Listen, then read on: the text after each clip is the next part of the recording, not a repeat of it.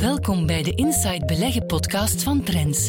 Met elke woensdag een blik op de economische actualiteit en uw beleggingen door Danny Reewegs, directeur analyse en strategie van Inside Beleggen.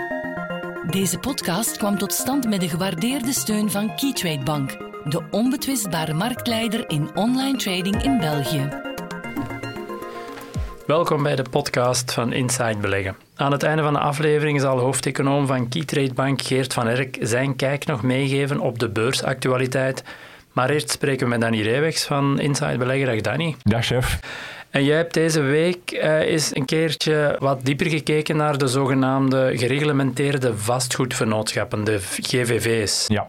Eerst even algemeen, die zijn redelijk populair geworden de laatste tijd bij particuliere beleggers. Um, ja, wat zijn zoal de troeven die zij te bieden hebben? Ja, misschien eerst zeggen, ja, dat is wel iets waar we trots mogen op zijn, die reglementering al zoveel jaar geleden. Als je binnen Europa kijkt, dat is toch een van de strafste structuren die daar rond is opgebouwd. Dus denk wel terecht dat het die populariteit heeft gekregen. En zeker in een omgeving hè, van één soort megatrend, namelijk die structureel dalende rente, was dat een schot in de roos. Hè. Dat verklaart ook mee de enorme populariteit bij de gemiddelde Belgische uh, investeerder. Uh, het is een mooie overstap van obligatie naar aandeel. Is dit misschien een mooie tussenweg? En ja, dat heeft het ook gedaan, want de structuur is zo opgezet dat ja, om aan de fiscale voordelen te kunnen voldoen, dat men 80, minstens 80% van de winst moet uitkeren. En dat betekent ja, dat dit bij uitstek dividendwaarden zijn en ja, uh, in de omgeving van lage rente is dat juist het element, het aantrekkings, de aantrekkingspool voor de gemiddelde investeerder. Ja, ja, ja. en nu een andere belangrijke trend beursgewijs van de afgelopen anderhalf jaar is uiteraard corona. Die heeft over het algemeen wel een zekere impact gehad voor die sector, maar wat was die precies? Ja, tendensen die we al zagen zijn enorm uitgediept. Hè. Dus de enorme opsplitsing. Hè. Er zijn jaren geweest dat alle GVV's op de beurs, omwille van de dalende rente, allemaal een positief, uh, positieve return gaven voor uh, de investeerder. Dat is door corona toch wel even anders uh, geweest. Dus ja, die tendensen die al waren. Uh, binnen die GVV's, ja, die hebben zich enorm sterk uitgediept tijdens de coronacrisis. Ja, ja, ja. En uh, als we over GVV spreken, dan wordt er ook vaak over de zogenaamde intrinsieke waarde gesproken. Uh, wat is dat concept precies? Hoe hebben we dat vast en hoe moeten we daar naar kijken? Ja, dus elk kwartaal wordt er een optelsom gemaakt van wat is dit in de portefeuille, wat is de aangepaste reële waarde daarvan. En als je dat optelt en, uh, je kijkt dan naar de schuldpositie, maar allee, optelt, dan zie je wat de intrinsieke waarde is. En uh, ja, dat is toch een belangrijk gegeven om naar te kijken. Ik denk dat vele investeerders in GVV's daar niet naar kijken. Hè. Uh, gewoon het het potentieel zien. Maar ja, dat is toch een factor waar we de komende tijd wel moeten mee rekening houden. Ja, ja. En als je dan spreekt over die tendensen die corona versterkt heeft, dat heeft dan te maken met de verschillende subsegmenten binnen de GVV's. Want er zijn er die in uh, ja, aparte takken van vastgoed ja. beleggen en zo.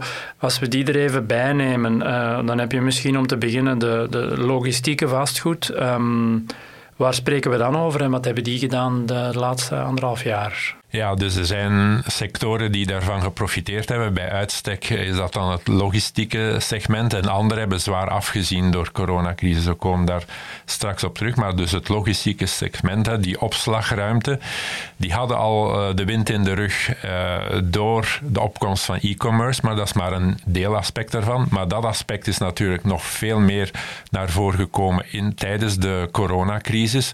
Want lockdowns, thuiszitten, heeft ervoor ervoor gezorgd dat we meer online zijn gaan bestellen en dus dat er ook veel meer pakjes zijn thuis geleverd. Dus dat was heel goed, want eh, strategie van e-commerce, als je heel snel wil leveren, ja, dan moet je op strategische punten uh, grote opslagruimte hebben, zodat je die klant snel kan beleveren. Als je dat niet hebt, dan kan je geen uh, e-commerce op een, op een deftige manier organiseren. Dus dat was plus.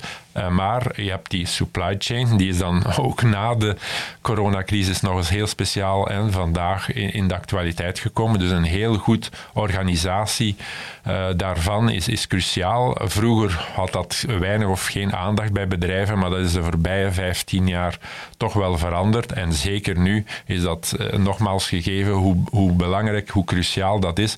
Dus dat heeft daarvoor gezorgd dat die sector echt wel meer dan ooit de, de wind in de rug heeft en, en geweldige groeiverhalen kunnen opleveren voor, voor de investeerders. Ja, dus logistieke vastgoed duidelijk een winnaar. Um, eentje verder, dan kijken we naar het zorgvastgoed ja, die heeft wel klappen gehad, gezondheidsgewijs door corona. Maar ja, voor de GVV zelf en op de beurs, wat hebben die gedaan? Ja, eerst was er een enorme vrees hè, door die oversterfte van hè, dat heel wat plaatsen gingen vrijkomen. Dat heeft misschien op korte termijn effect gehad, maar heel belangrijk om vast te stellen is dat dat voor de GVV's, dus voor de verhuurders, hè, want die doen operationeel op dat vlak niks, maar uh, een Idifica die verhuurt die gebouwen en die hebben uh, altijd hun huur blijven ontvangen, ja. ondanks dus de COVID-19-pandemie.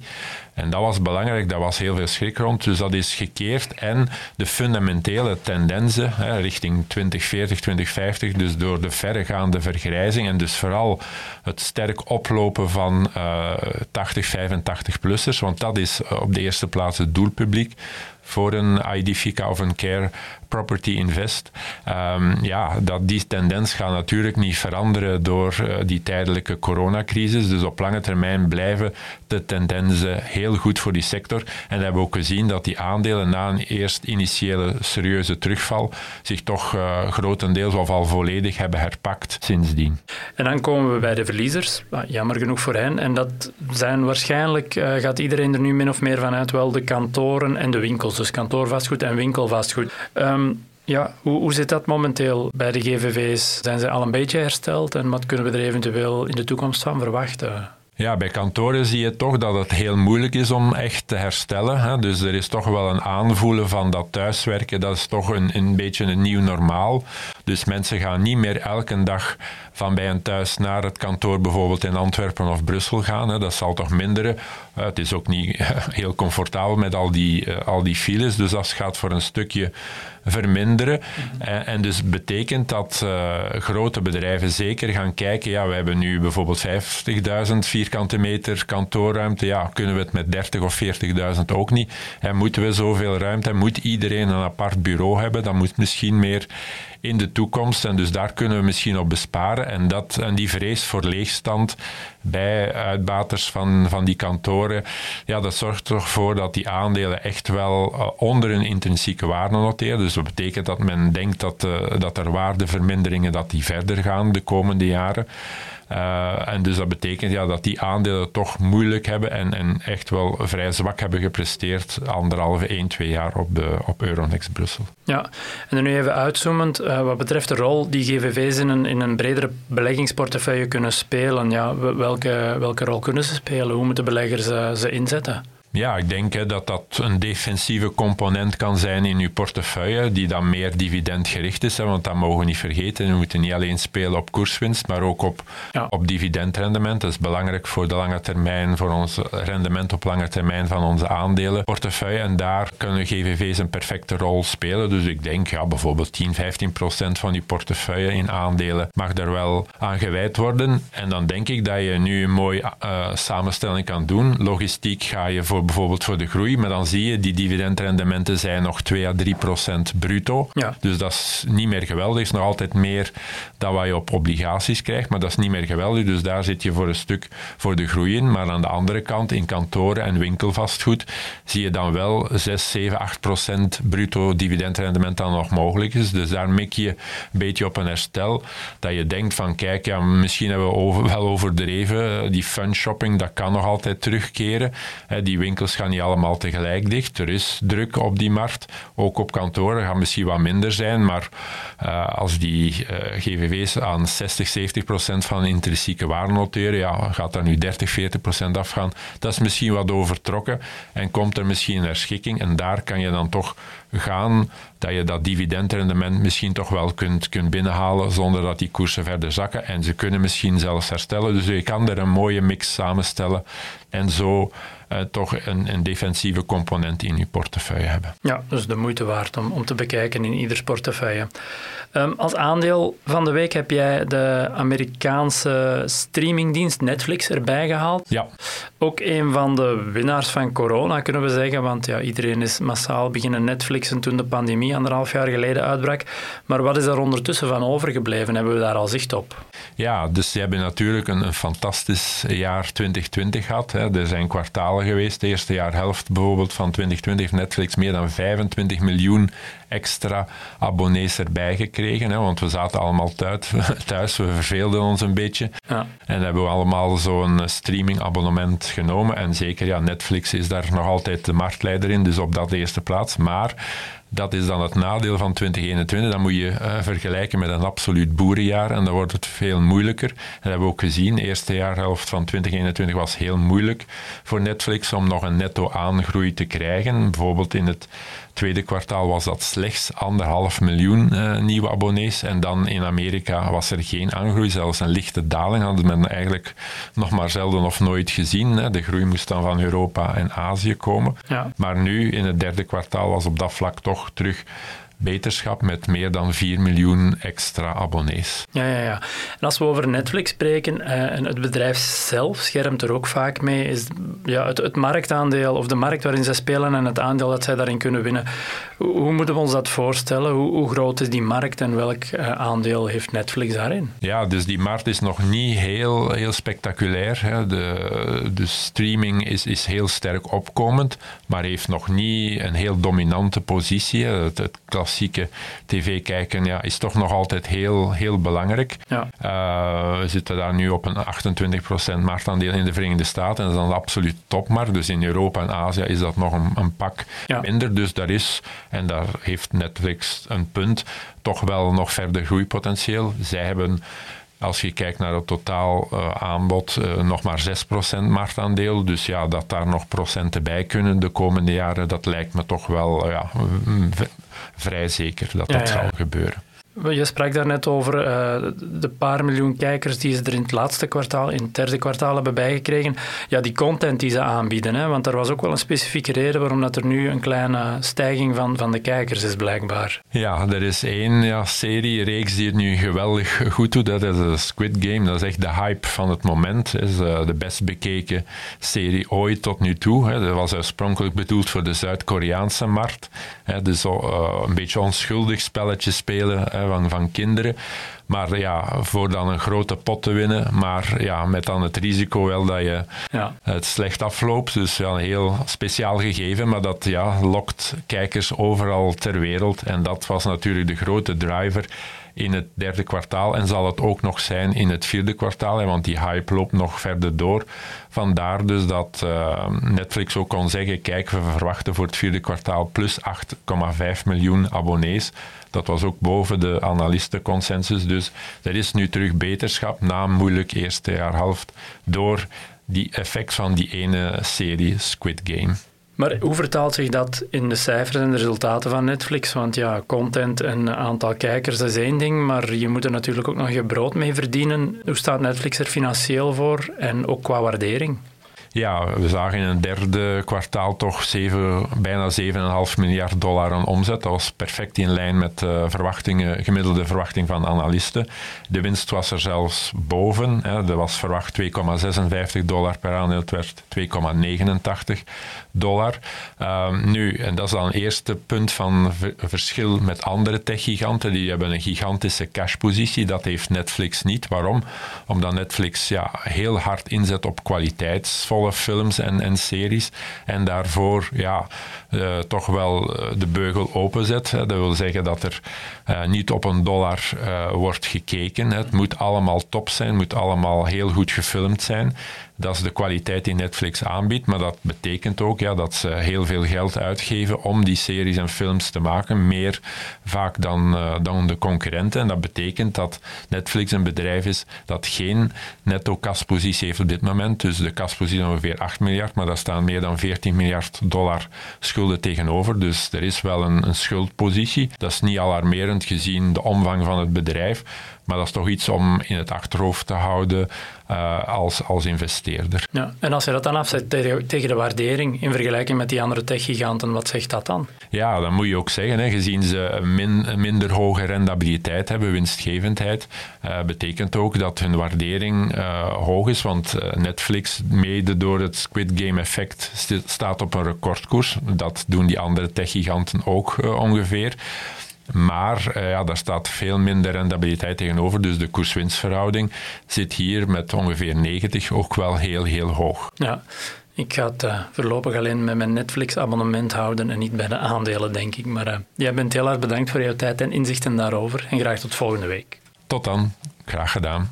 We luisteren nu naar Geert van Herk, Chief Economist van Keytrade Bank, met zijn analyse op een aspect van de economische actualiteit. Hallo iedereen en welkom bij onze wekelijkse update. Vandaag wil ik even stilstaan bij een achtergebleven aandeel en een achtergebleven sector die misschien de komende weken kunnen profiteren van een herstel.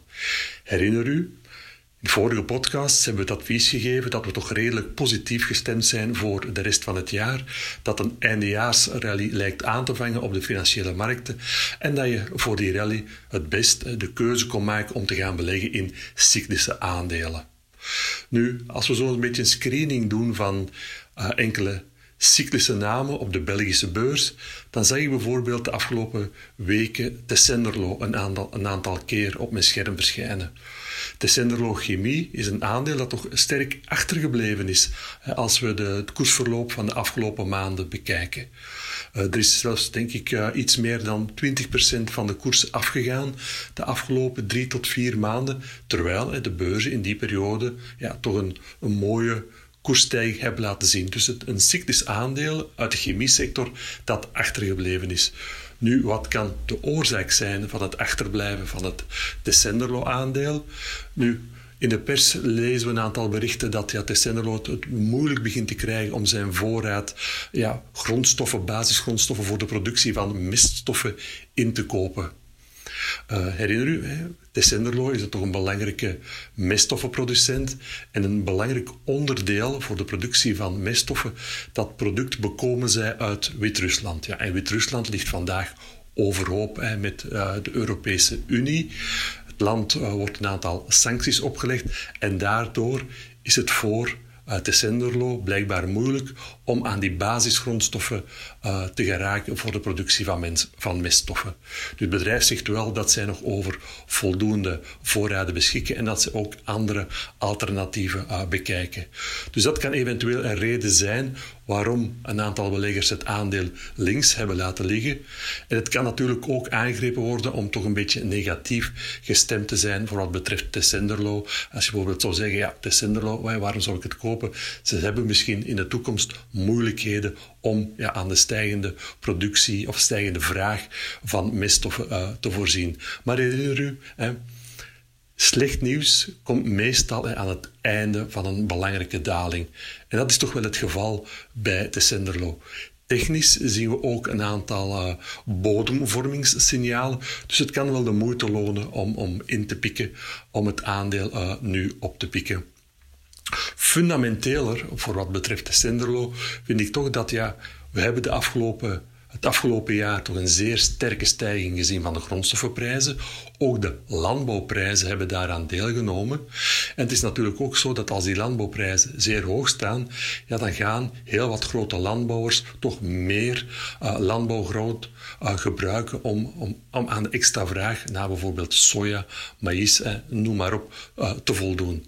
En daarvoor hebben ze natuurlijk ook meststoffen nodig. Dus die hoge grondstoffenprijzen, die hoge landbouwprijzen, gaan naar mijn mening ook de, de landbouwers ertoe aanzetten van meer te gaan telen. En daardoor moet ook de vraag naar meststoffen op een wat structureler, hoger niveau komen. En dat kan natuurlijk uh, in de kaart spelen uh, van Tessenderlo en kan misschien in de komende maanden een katalysator worden voor uh, het herstel van Tessenderlo. Dus Tessenderlo is een eerste cyclisch aandeel dat naar mijn aanvoelen toch een beetje achtergebleven is en waar we toch signalen zien dat er een beetje een bodem in de maak is en dat er misschien een herstel kan volgen in de volgende weken. Een tweede, wat achtergebleven sector uh, die ik ga belichten, is de sector van de goudmijnen. U weet, het goud heeft dit jaar ja, een zeer ondermaatse prestatie geleverd. Zeker omdat we toch zien dat de inflatie in het Westen opgelopen is. Maar de goudkoers heeft daar tot op heden nog niet van uh, kunnen profiteren. Maar ook hier hè, zien we door de afgelopen twee weken een, een herstel. Kijk bijvoorbeeld ook eens naar de koersen van bijvoorbeeld ja, de GDX-trekker of de GDXJ. De GDXJ uh, vertegenwoordigt de, de, de, kleinere goudmijnen, de junior uh, goudmijnen. Uh, je kan die trekkers bijvoorbeeld ook, koken, ook kopen op de beurs van Milaan. Dus er, ook, er, is ook een Europees alternatief voor deze trekkers. Dus de goudmijntrekkers GDX en GDXJ, die hebben de afgelopen twee weken toch een, een mooi herstel laten zien. Het zou eerder een tip zijn, een advies, hè, om hierop in te spelen, een beetje vanuit een contrair standpunt. Want hè, de tegenvallende prestatie van goud en zilver hè, doet natuurlijk heel wat beleggers ja, hun participaties in goud- en zilvertrekkers afbouwen. Of fondsen die in goud en zilver beleggen. We hebben vorige week ook een bericht gekregen dat er een massale uitstroom is uit bijvoorbeeld ja, de populaire goud- en zilvertrekkers. Dat is een, natuurlijk opnieuw een signaal van een zeer negatief sentiment. Heel wat beleggers capituleren, verkopen. En dat zien we toch meestal gebeuren op het einde van een significante of een belangrijke daling. En dus een zeer negatief sentiment sentiment. En vanuit contrair standpunt eh, loont het dan vaak de moeite om in kleine eh, stapjes in die markt te stappen om posities eh, te beginnen opbouwen. En dat is ook een beetje de mening die we hebben rond de, de goudmijnen. Dus we sluiten deze podcast af met ja, twee mogelijke tips uit de cyclische sectoren.